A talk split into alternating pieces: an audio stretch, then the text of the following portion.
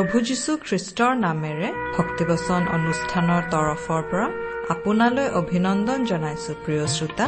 আজিৰে পবিত্ৰ ক্ষণতে উজলি উঠা খ্ৰীষ্টৰ জ্যোতি। ভক্তিবচন অনুষ্ঠানৰ নিয়মীয়া শ্ৰোতাসকলৰ চিঠি পত্ৰ আৰু টেলিফোনিক বাৰ্তাসমূহে আমাক বৰ উৎসাহিত কৰিছে। ভক্তিবচন পৰিয়ালৰ তৰফৰ পৰা তেওঁলোকলৈ অশেষ ধন্যবাদ জনাইছো। প্ৰভু যীশুৰ বাণীসমূহে শ্ৰোতাসকললৈ আশীৰ্বাদ কঢ়িয়াই অনা বুলি জানিলে আমি কাম কৰি যাবলৈ অধিক বল পাওঁ। ঈশ্বৰে আপোনালোকক এইদৰে সদায় আশীৰ্বাদ কৰি থাকক। আপোনাৰ জীৱন আৰু পৰিয়ালত সদায় সুখ শান্তি আৰু প্ৰচুৰতা প্ৰভু যীশুৱে দান কৰক। শাৰীৰিক সকলো ৰোগ ব্যাধি পাৰিবাৰিক সমস্যা আৰু আত্মিক সকলো বন্ধনবোৰৰ সমাধান দিব পৰা প্ৰভু যীশুৰ বাণীসমূহে যেন আপোনাৰ জীৱনলৈ নতুনত্ব আৰু জীয়াই থকাৰ প্ৰকৃত অৰ্থ কঢ়িয়াই আনে এয়ে আমাৰ প্ৰাৰ্থনা। প্ৰভু যীশু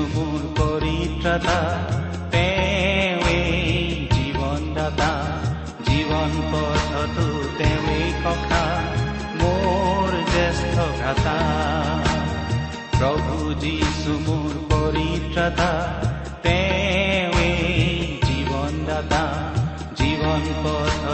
তেওঁৱে কথা মোৰ জ্যেষ্ঠ ভ্ৰাতা।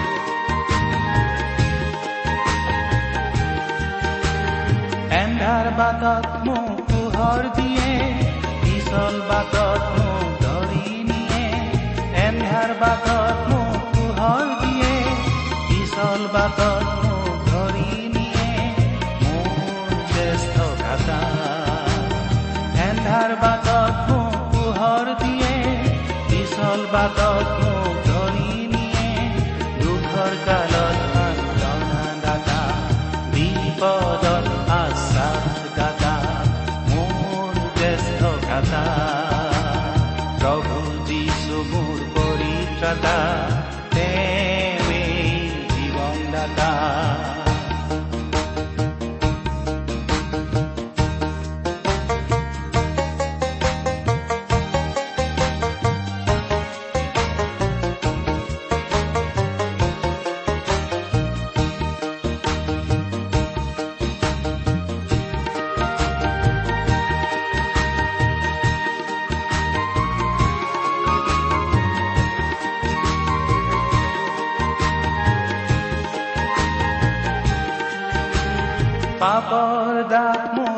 حبيبي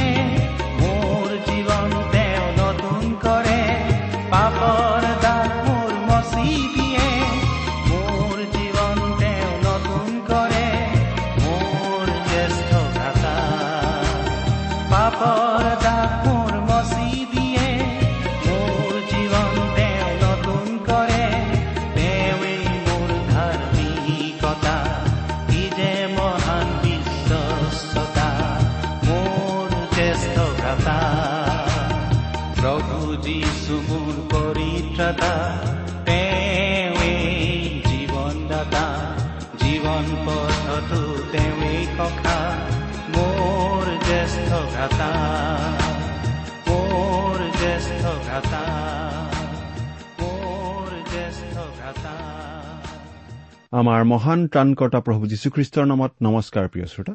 আশা কৰো আপুনি ভালে কুশলে আছে। লগতে আমি এই বুলিও আশা কৰিছো যে আপুনি আমাৰ এই ভক্তিবচন অনুষ্ঠানটো নিয়মিতভাৱে শুনি আছে। এই অনুষ্ঠান শুনি আপুনি কেনে পাইছে সেই কথা জনাই আমালৈ চিঠি লিখিবচোন। আপুনি কিজানি ভাবিছে আমিনো এই চিঠি লিখাৰ কথাটো সদায় কিয় কৈ থাকো? নহয় জানো? আচলতে আমি শ্ৰোতাসকলৰ পৰা চিঠি পালেহে জানিব পাৰো আমাৰ এই অনুষ্ঠানটো ৰাইজে শুনি আছে বুলি। লগতে এই অনুষ্ঠানটোৰ গুণাগুণৰ বিষয়েও আমাৰ ধাৰণা এটা হয়। কোনোবাই শুনি উপকৃত হোৱা বুলি জানিব পাৰিলে আমি কাম কৰি যোৱাত উৎসাহ পাওঁ। গতিকে অনুগ্ৰহ কৰি আজি এই দুখাৰিমান লিখি পঠিয়াওকচোন। খ্ৰীষ্টীয় বিশ্বাস সম্বন্ধে কিবা জানিবলগীয়া কথা থাকিলেও আমালৈ লিখিব পাৰে। আহকচোন সদায় কৰি অহাৰ নিচিনাকৈ আজিও আমাৰ বাইবেল অধ্যয়ন আৰম্ভ কৰাৰ আগতে খন্তেক প্ৰাৰ্থনাত মূৰ দুৱাওঁ। আমি প্ৰাৰ্থনা কৰো স্বৰ্গত থকা মহান পিতৃ ঈশ্বৰ তোমাৰ মহান নামৰ ধন্যবাদ কৰো। তুমি সৰ্বশক্তিমান সৰ্বব্যাপী সৰ্বজ্ঞানী ঈশ্বৰ। তুমি আমাক প্ৰেম কৰোতা ঈশ্বৰ। তুমি আমাক ইমানেই প্ৰেম কৰিলা যে আমাক উদ্ধাৰ কৰিবলৈ তোমাৰ একেজাত পুত্ৰ যীশুখ্ৰীষ্টকেই আমালৈ দান কৰিলা। তেওঁ ক্ৰুচত প্ৰাণ দি আমাৰ সকলো পাপৰ প্ৰায়চিত্ৰ কৰিলে আৰু তৃতীয় দিনা জি উঠি নিজৰ ঈশ্বৰত্বৰ প্ৰমাণ দিলে। আজি তেওঁত বিশ্বাস কৰি আমি পৰিত্ৰাণ লাভ কৰিব পৰা হৈছো আৰু তোমাক পিতৃ বুলি মাতিব পৰা হৈছো। তাৰ বাবে তোমাক অশেষ ধন্যবাদ পিতা। এতিয়া আমি তোমাৰ মহান বাক্য বাইবেল শাস্ত্ৰ অধ্যয়ন কৰিবলৈ ওলাইছো। প্ৰাৰ্থনা কৰিছো পিতা তুমি আমাক তোমাৰ বাক্য বুজিবলৈ সহায় কৰা আৰু আমাৰ প্ৰতিজনৰ আগত তুমি নিজকে অধিককৈ প্ৰকাশ কৰা। আমাৰ মৰমৰ শ্ৰোতাসকলৰ জীৱনত তোমাৰ আশীৰ্বাদ উপচি পৰিবলৈ দিয়া। কিয়নো এই প্ৰাৰ্থনা আমাৰ পাপৰ প্ৰায়চিত্ৰ কৰিবলৈ ক্ৰুচত প্ৰাণ দি তৃতীয় দিনা পুনৰ জি উঠি এতিয়া স্বৰ্গত আমাৰ বাবে নিবেদন কৰি থকা ত্ৰাণকৰ্তা প্ৰভু যীশুখ্ৰীষ্টৰ নামত আগবঢ়াইছো। আহমেন প্ৰিয় শ্ৰোতা আপুনি বাৰু আমাৰ আগৰ অনুষ্ঠানটো শুনিছিল নে আমি যোৱা অনুষ্ঠানত বাইবেলৰ পুৰণি নিয়ম খণ্ডৰ হিতুপদেশ নামৰ পুস্তকৰ এক নম্বৰ অধ্যায়টো আলোচনা কৰিছিলো নহয়নে বাৰু? আজি আমি এই হিতুপদেশ পুস্তকৰ দুই নম্বৰ অধ্যায়ৰ আলোচনা কৰিবলৈ ওলাইছো। আপুনি বাৰু আপোনাৰ বাইবেলখন মেলি লৈছেনে? প্ৰজ্ঞাৰ উৎসৰ বিষয়ে এই দুই নম্বৰ অধ্যায়ৰ প্ৰথম পদটো পাঠ কৰি দিছো শুনিবচোন। হে মোৰ বোপা তুমি যদি মোৰ কথা এনেকৈ গ্ৰহণ কৰা আৰু মোৰ আজ্ঞাবোৰ এনেকৈ মনত ৰাখা। প্ৰিয় শ্ৰোতা হে মোৰ বোপা বুলি ইয়াত ডেকা গাভৰুসকলক কোৱা হৈছে। শিশু অৱস্থাত তেওঁলোকৰ জীৱন ইতিমধ্যে ঘৰত আৰম্ভ হৈছেই এতিয়া তেওঁলোক ডাঙৰ হৈ জীৱন সংগ্ৰামত খোজ দিবলৈ লৈছে। আৰু এই মুহূৰ্তত কোনো এজন জ্ঞানী মানুহৰ সুপৰামৰ্শ তেওঁলোকৰ কাৰণে দৰকাৰ হৈছে। তাৰ পাছত কোৱা হৈছে মোৰ কথা যদি এনেকৈ গ্ৰহণ কৰা তাৰমানে আমি ঈশ্বৰৰ বাক্যৰ যি কথা শুনো তাক অতি যত্নেৰে সাঁচি থব লাগে। যেনেকৈ আমি মূল্যৱান বস্তুবিলাক সাঁচি থওঁ। এগৰাকী তিৰোতা আছিল আৰু সেই তিৰোতাৰ কিছুমান মূল্যৱান অলংকাৰ আছিল আৰু সেইবিলাক অতি যত্নেৰে বাকচত সাঁচি থৈ মাজে সময়ে উলিয়াই চাই নিজে বৰ তৃপ্তি লাভ কৰিছিল। ঠিক সেইদৰে আমাৰ হৃদয়ত সঞ্চিত ঈশ্বৰৰ মূল্যৱান বাক্যবিলাক সোঁৱৰণ কৰি আমি আনন্দ লাভ কৰিব পাৰোঁ আৰু লাভ কৰা উচিত। দুই নম্বৰ পদ শুনিবচোন। যেন তুমি প্ৰজ্ঞালৈ কাণ দিব পাৰা আৰু সুবুদ্ধিলৈ মনোযোগ কৰিব পাৰা। প্ৰিয় শ্ৰোতা ইয়াত কাণ পাতিবলৈ কোৱা হৈছে কাৰণ কাণেৰে কথাবিলাক আমাৰ মগজুত সোমাই যদিও ইয়াৰ শেষ স্থান হ'ল হৃদয়।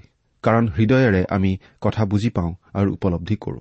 তিনি নম্বৰ পদ এনে কি তুমি যদি সুবিবেচনাক মাতা আৰু যদি সুবুদ্ধিৰ নিমিত্তে ৰিঙিওৱা।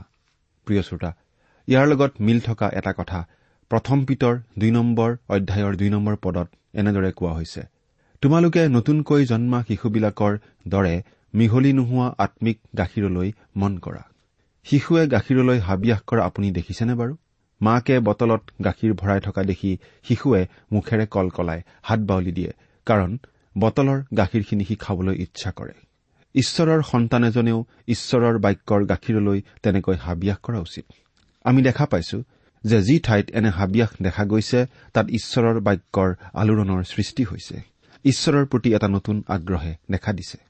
আজিকালি আমাৰ বহুতো ডেকাই হাতত টোকা বহী আৰু বাইবেল লৈ ফুৰে আৰু যি পায় তাকেই তাত লিখি লয়।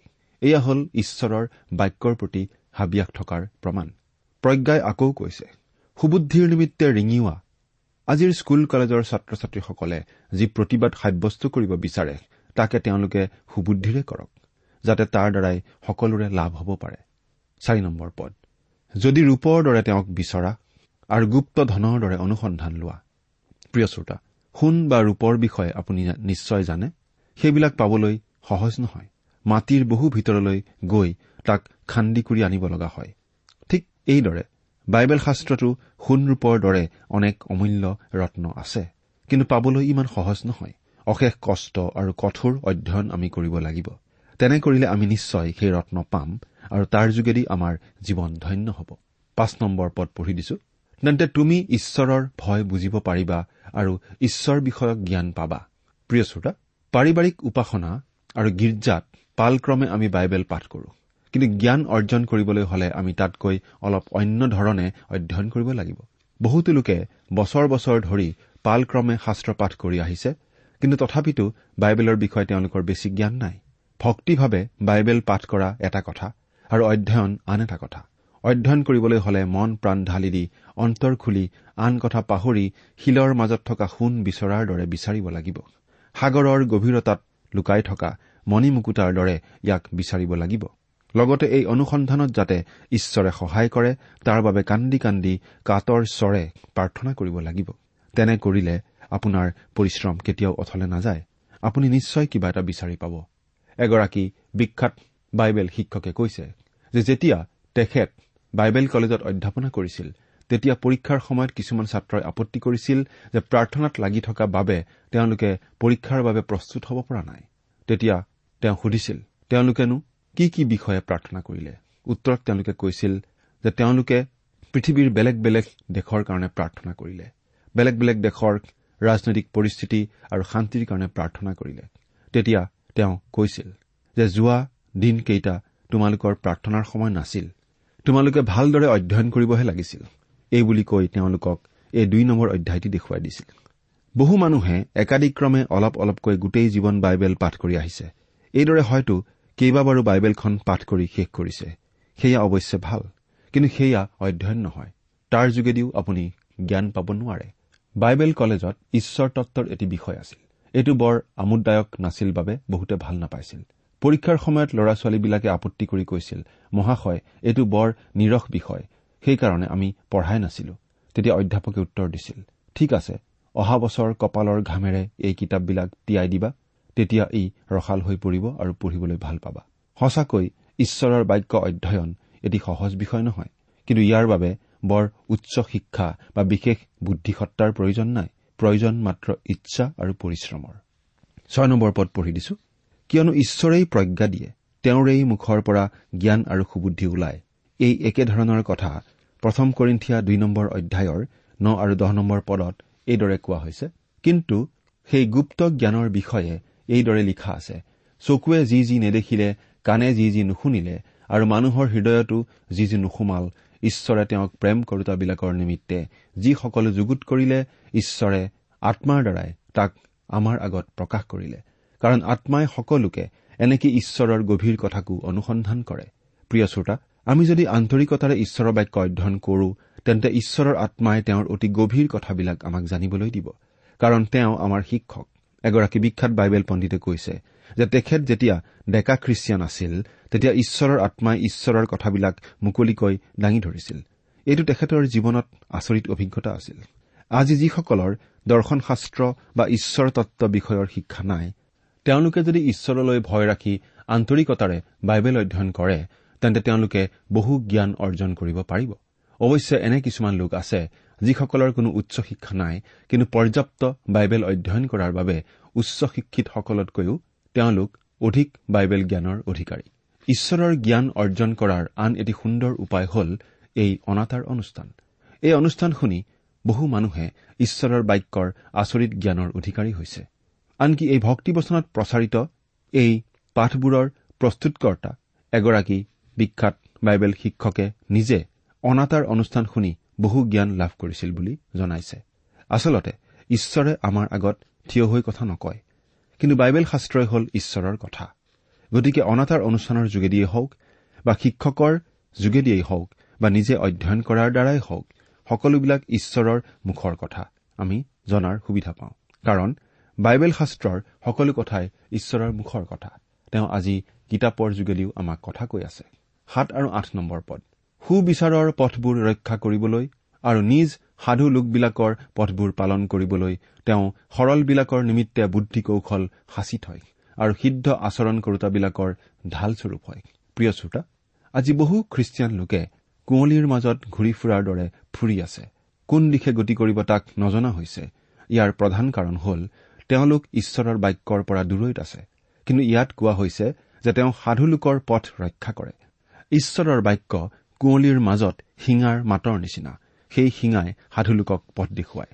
ন নম্বৰ পদ সেয়ে হলে তুমি ধাৰ্মিকতা সুবিচাৰ আৰু যথাৰ্থতা এনেকি সকলো মংগলৰ পথ বুজিব পাৰিবা? প্ৰিয় শ্ৰোতা আজিকালি বহুত বহুত নেতাৰ বাহিৰেও আন আন কাৰ্যালয়ত মানুহবিলাকে দেশৰ পৰিচালনাৰ বিষয়ে আলোচনা কৰা দেখা যায়। কিন্তু দুখৰ কথা হ'ল যে তেওঁলোক নেতাই হওক বা আন কোনো বেলেগ লোকেই হওক তেওঁলোক নিজে ঈশ্বৰৰ দ্বাৰা পৰিচালিত হৈছে নে নহয় সেইটো চিন্তা কৰি নাচায়। নিজে যদি ঈশ্বৰৰ দ্বাৰা ভালদৰে পৰিচালিত হোৱা নাই তেন্তে তেওঁলোকে আনক কেনেকৈ পৰিচালিত কৰিব? কিন্তু ঈশ্বৰে সকলোকে মাতি আছে। তেওঁলোকেও যদি ঈশ্বৰৰ বাক্যৰ দ্বাৰা জ্ঞান লাভ কৰি সেইমতে আন লোকক পৰিচালনা কৰাত ব্ৰতী হয় তেন্তে নিশ্চয় সকলোৰে উন্নতি হ'ব। কাৰণ ঈশ্বৰৰ বাক্যত কাৰ্যসাধক শক্তি আছে। ঈশ্বৰৰ বাক্যত থকা সত্যৰ শক্তিৰ প্ৰতি যাৰ গভীৰ ইচ্ছা আছে ঈশ্বৰ নিজে সেই লোকৰ শক্তি হৈ পৰে। ঈশ্বৰে নিজে সেই লোকক ৰক্ষা কৰে। জীৱন পথত সুন্দৰকৈ তেওঁলোকক চলায়। এগৰাকী বিখ্যাত বাইবেল শিক্ষকে কৈছে যে কিছুমান মানুহে তেখেতলৈ প্ৰশংসাৰ চিঠি লিখি কৈছিল আপুনি সত্যতাত ধৰি আছে আৰু তাৰ বাবে আমি ভাল পাইছো। চিঠিবোৰ পাই তেখেতে ভালেই পাইছে। কিন্তু তেখেতৰ মতে আমি সত্যতাত ধৰি থকাটো ডাঙৰ কথা নহয়। সত্যতাই যাতে আমাক ধৰি থাকে এইটোহে ডাঙৰ কথা। মন কৰক যে আমি সত্যতাত ধৰি থকা আৰু সত্যতাই আমাক ধৰি থকাৰ মাজত পাৰ্থক্য আছে। আমাক কোৱা হৈছে যে শেষকালত মিছা কথা কোৱা আৰু প্ৰবঞ্চকসকল ওলাব। আমি নিশ্চয় তেওঁলোকৰ মাজৰ এজন বুলি গণ্য হবলৈ ইচ্ছা নকৰো। আচলতে সত্যতাই যদি আমাক ধৰি থাকে তেন্তে আমি এনে কৰিবও নোৱাৰো। আমি আজি ভৱিষ্যৎবাণী দৰ্শন আৰু মনোবিজ্ঞানৰ কথা নকলেও হ'ব। সেইবিলাক কথা কোৱা মানুহ বহুত আছে। আজি আমাক লাগে ধাৰ্মিকতা সুবিচাৰ প্ৰেম মংগল ভাৱ এইবিলাকে। এইবিলাকৰ অধিকাৰী হবলৈ প্ৰজ্ঞাই আমাক সহায় কৰিব। আমি মাত্ৰ প্ৰজ্ঞাৰ পঢ়াশালীত প্ৰৱেশ কৰিব লাগে। এতিয়া আমি দহ নম্বৰ পদৰ পৰা বাৰ নম্বৰ পদলৈকে পাঠ কৰিছো।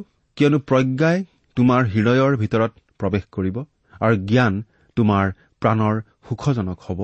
কুপথৰ পৰা তোমাক উদ্ধাৰ কৰিবলৈ আৰু যিবোৰে কুটিল বাক্য কয় আন্ধাৰৰ পথত চলিবৰ নিমিত্তে সৰল পথ ত্যাগ কৰে। প্ৰিয় শ্ৰোতা এয়া কি সুন্দৰ কথা কোৱা হৈছে চাওকচোন। প্ৰজ্ঞাই যদি আপোনাৰ হৃদয়ত প্ৰৱেশ কৰে তেন্তে আপোনাৰ প্ৰাণ সন্তোষজনক হ'ব আৰু তেতিয়াহ'লে আপুনি সহজে ঠগ নাখাব। তাৰমানে আপুনি যদি ঈশ্বৰৰ বচনৰ লগত সম্বন্ধ ৰাখে তেনেহলে আপুনি বিপথে নাযাব। কাৰণ ঈশ্বৰৰ বচন হ'ল শক্তিসাধক আৰু সৎ পথ দৰ্শক তেৰ নম্বৰ পদৰ পৰা পোন্ধৰ নম্বৰ পদলৈকে পাঠ কৰি দিছো। তেওঁলোকে কুকৰ্ম কৰিবৰ নিমিত্তে আনন্দ কৰে আৰু দুৰ্জনৰ প্ৰবঞ্চনাত উল্লাস কৰে। কুটিল পথৰ এনে পথিকবিলাকৰ পৰা নিজ নিজ পথত বেকাকৈ চলোতা এনে লোকবিলাকৰ পৰা তোমাক উদ্ধাৰ কৰিবলৈ যি স্ত্ৰীয়ে নিজ যৌৱনকালৰ মিত্ৰক ত্যাগ কৰে আৰু নিজ ঈশ্বৰৰ নিয়মটি পাহৰে তাৰ পৰা আঁতৰি থকা। প্ৰিয় শ্ৰোতা এই পাঠৰ প্ৰস্তুতকাৰক বিখ্যাত বাইবেল শিক্ষকজনে কৈছে যে তেখেতে ঈশ্বৰৰ পৰিচৰ্যা কৰিবলৈ লোৱাৰ পৰাই প্ৰাৰ্থনা কৰি আছিল যাতে ঈশ্বৰে তেখেতক দুষ্ট লোকৰ হাতত কেতিয়াও নেপেলায়। তেখেতৰ দৰে আমি প্ৰাৰ্থনা কৰিব লাগে কাৰণ চাৰিওফালে দুষ্ট মানুহে আমাক আগুৰি ধৰি থকা আমি দেখিবলৈ পাওঁ। সেই দুষ্ট মানুহবিলাকনো বাৰু কোন? সিটোপদেশ পুস্তকৰ জৰিয়তে আমি জানিব পাৰিম যে ঈশ্বৰৰ সন্তানসকলৰ দুই ধৰণৰ শত্ৰু আছে। তাৰে এক ধৰণৰ শত্ৰু হৈছে বেয়া কাম কৰি আনন্দ পোৱা মানুহ আৰু আনবিধ হৈছে অচিন তিৰোতা। এজন ডেকা মানুহে বাস্তৱ জীৱনত ভৰি দিবলৈ লোৱাৰ লগে লগে তেওঁক এই দুষ্ট মানুহৰ বিৰুদ্ধে প্ৰজ্ঞাই সতৰ্ক কৰি দিছে। আমাৰ আজিৰ ডেকাসকলে তেনে লোকৰ পৰা বিৰত থকা নিতান্তই প্ৰয়োজন। সেই বিখ্যাত বাইবেল শিক্ষকজনে নিজৰ ডেকা অৱস্থাৰ বিষয়ে কি কৈছে শুনকচোন? তেওঁৰ ষোল্ল বছৰ বয়সতে তেখেতৰ দেউতাক ঢুকাইছিল আৰু সেয়েহে জীৱিকাৰ সন্ধানত তেখেতে বাহিৰলৈ যাব লগা হৈছিল। বাহিৰলৈ গৈ তেখেত এক শ্ৰেণী দুষ্ট মানুহৰ হাতত পৰিছিল আৰু তেওঁলোকৰ লগতে তেখেতেও অসৎ কামত লিপ্ত হ'বলগীয়া হৈছিল। দিনবোৰ যোৱাৰ লগে লগে দুষ্ট মানুহৰ সংখ্যা বাঢ়ি গৈছিল আৰু অসৎ আচৰণৰ মাত্ৰা সীমা চেৰাই গৈছিল। ইমান অসৎ আচৰণ তেখেতে সহ্য কৰিব পৰা নাছিল। ইতিমধ্যে ঘৰলৈও তেখেতৰ মনত পৰিব ধৰিছিল। সেইকাৰণে কাম বন বাদ দি তেখেত ঘৰলৈ আকৌ ঘূৰি আহিছিল। ঘৰলৈ ঘূৰি গৈও তেখেতে শান্তি পোৱা নাছিল। তেনেতে ঈশ্বৰৰ বৰ দয়ালু লোক এজনে আহি তেখেতক বুজাই দিছিল যে বিশ্বাসৰ যোগেদি তেখেতে পাপৰ ক্ষমা লাভ কৰি ঈশ্বৰৰ পৰা শান্তি পাব পাৰে। সেই সময়তে তেখেতে ঈশ্বৰত বিশ্বাস স্থাপন কৰিছিল আৰু তেখেতৰ জীৱনত এটা আমূল পৰিৱৰ্তন ঘটিছিল।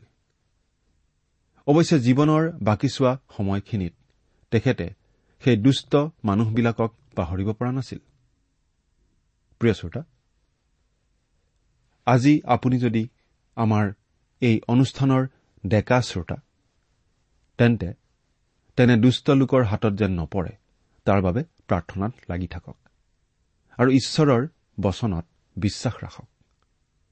ঈশ্বৰে আপোনাক তেনেকুৱা দুষ্ট লোকৰ হাতৰ পৰা ৰক্ষা কৰি ৰাখিব আৰু সৎ পথত চলাই ৰাখিব।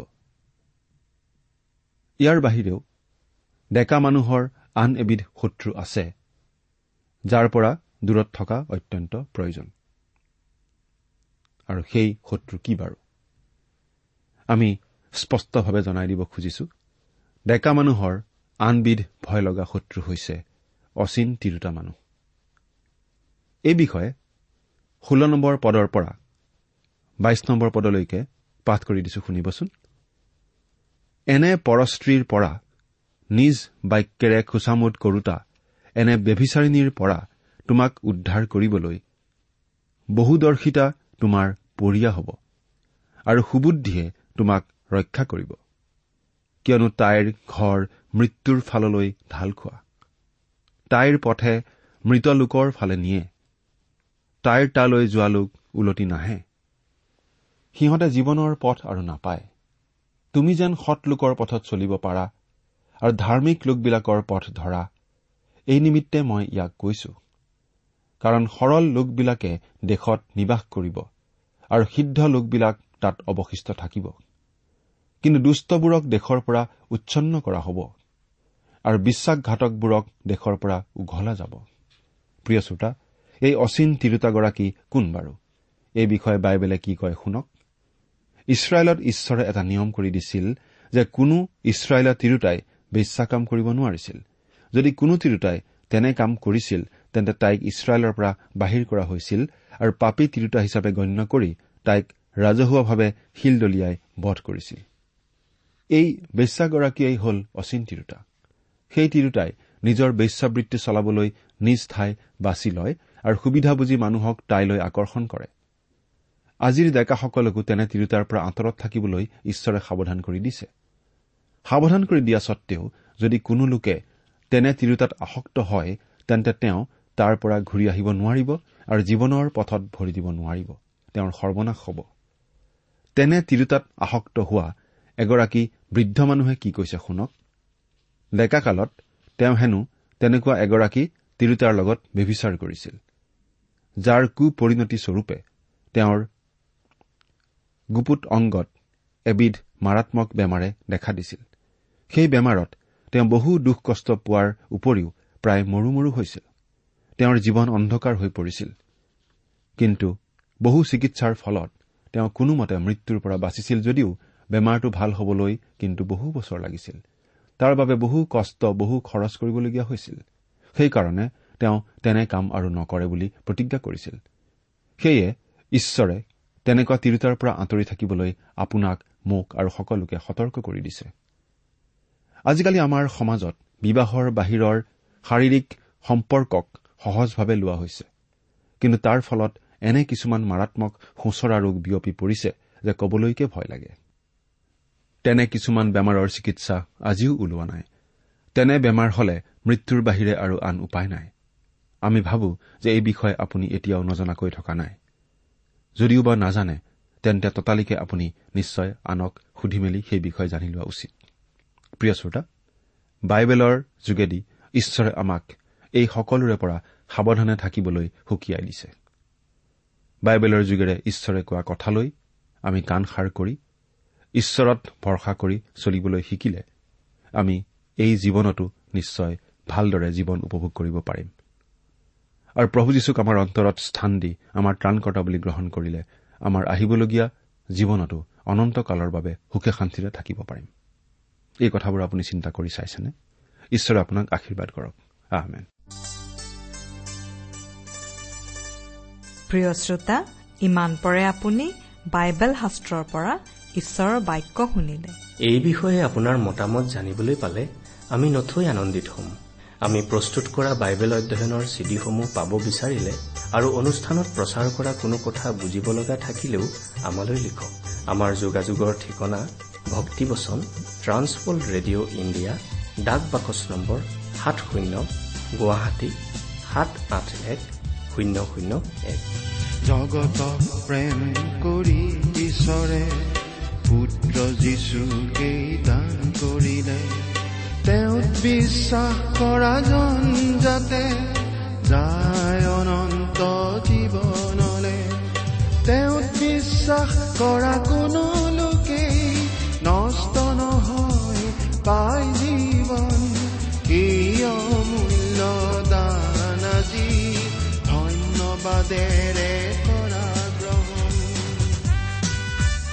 ঠিকনাটো আকৌ এবাৰ কৈছো ভক্তিবচন ট্ৰান্স ৱৰ্ল্ড ৰেডিঅ' ইণ্ডিয়া ডাক বাকচ নম্বৰ সাত শূন্য গুৱাহাটী সাত আঠ এক শূন্য শূন্য এক। আমাৰ ইমেইল এড্ৰেছটো হৈছে Assamese T TV at the rate radio' eight eight two dot com. আমাৰ website W W W dot T W R dot in.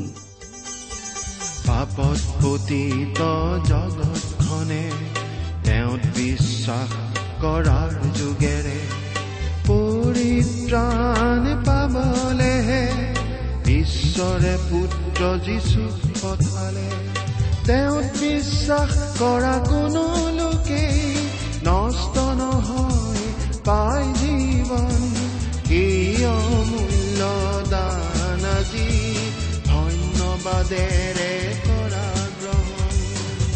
আপুনি টেলিফোনৰ মাধ্যমেৰেও আমাক যোগাযোগ কৰিব পাৰে। আমাৰ টেলিফোন নম্বৰটো হৈছে nine eight five four zero' four zero' eight eight nine. Phone নম্বৰটো আকৌ এবাৰ কৈছো ন আঠ পাঁচ চাৰি শূন্য চাৰি শূন্য আঠ আঠ ন। তেওঁৰ বাক্য শুনি বিশ্বাস মাথো তেওঁতে কৰে। তেওঁ অনন্ত জীৱন পায় মৃত্যুৰ পৰা জীৱনলে যায়। তেওঁত বিশ্বাস কৰা কোনো লোকেই নষ্ট নহয় পাই জীৱন। এই অমূল্য দান আজি ধন্যবাদেৰে আপুনি এই ভক্তিবচন অনুষ্ঠানটি আমাৰ website radio' eight eight two dot কমতো শুনিব পাৰিব। আজিৰ অনুষ্ঠানটি ইমানতেই সামৰিছো। ঈশ্বৰৰ শান্তি আৰু অনুগ্ৰহ আপোনাৰ লগত থাকক। ধন্যবাদ। জীৱন দিওঁতা আহাৰ তেৱে যিজন তেওঁৰ কাষলে আহে তেওঁৰ কেতিয়াও ভোক নালাগে। আত্মিক পিয়াহো তেওঁ দূৰ তেওঁত বিশ্বাস কৰা কোনো লোকেই নষ্ট নহয় পাই জীৱন। এই অমূল্য দান আজি ধন্যবাদেৰে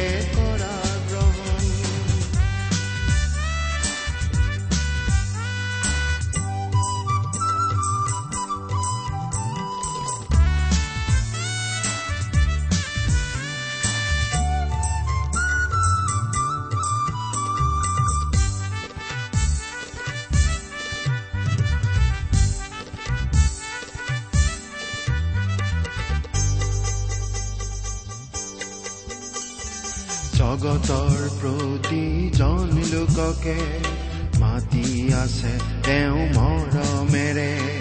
যিচুৰ সেই আহ্বানলে সঁহাৰি দিয়াৰ সময়ে তেওঁত বিশ্বাস কৰা কোনো লোকেই নষ্ট নহয় পাই জীৱন। সেই অমূল্য দান আজি ধন্যবাদেৰে